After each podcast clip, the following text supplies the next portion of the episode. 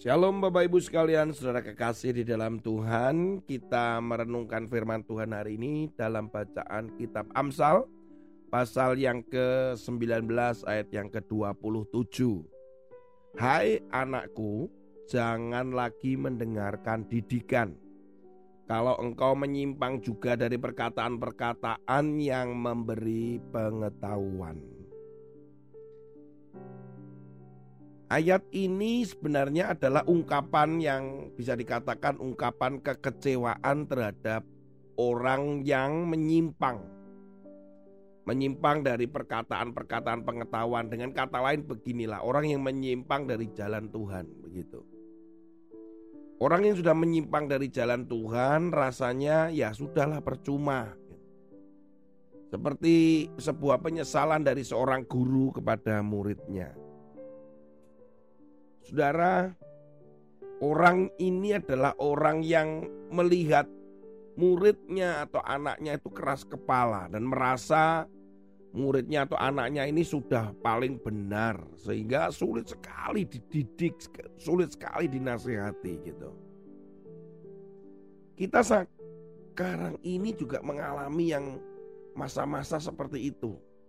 Ketika kita merasa bahwa kita yang paling benar, kita yang paling suci bahkan paling kudus yang paling menganggap dirinya atau diri kita ini yang paling dekat dengan Tuhan dengan doa-doa kita sehingga nasihat apa pun dari orang lain rasanya percuma. Ada kelompok-kelompok tertentu misalkan di Indonesia saat ini ya. Kelompok-kelompok yang anti vaksin misalkan gitu merasa ini yang paling benar.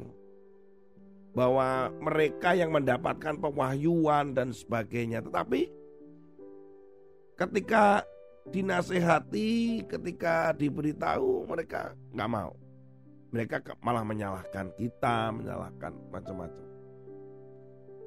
Saudara kekasih di dalam Tuhan, ayo kita buka mata kita. Dunia kekristenan itu dengan berbagai alirannya. Waduh, itu paling banyak dan paling meribetkan. Ada berapa sinode di seluruh Indonesia? Saudara, ada berapa gereja yang ada di sebuah kota? Ada begitu banyak. Belum lagi persekutuan demi persekutuan, kelompok demi kelompok, komunitas demi komunitas. Mereka semua begitu banyak aliran nggak cocok dalam satu aliran. Akhirnya memecahkan diri kemudian buka gereja dengan sinode yang baru dengan aliran yang baru. Terus demikian terpecah-pecah terpecah terpecah terpecah. Saudara fenomena ini menyedihkan.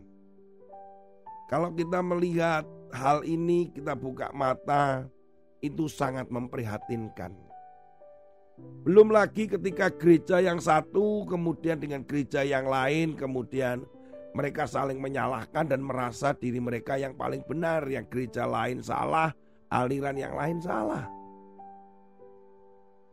Pengalaman saya, saudara, ketika saya mengikuti pendidikan kepemimpinan ya, dalam sebuah kesempatan yang indah, saya pergi ke Hawaii dalam sebuah pelatihan selama kurang lebih satu bulan.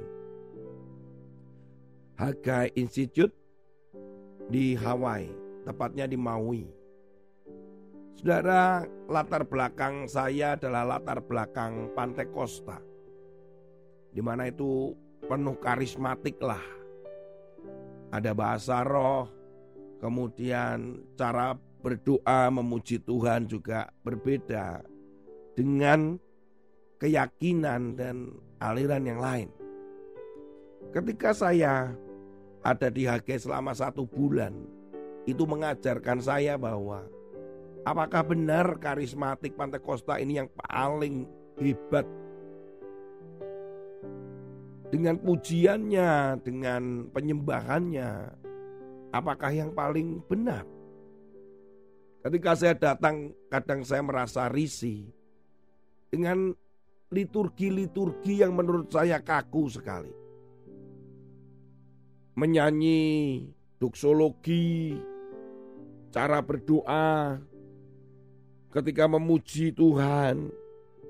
Saudara, saya waktu itu berpikir bahwa ini hadirat Tuhan bisa datang nggak ya? Wih, sombong banget ya.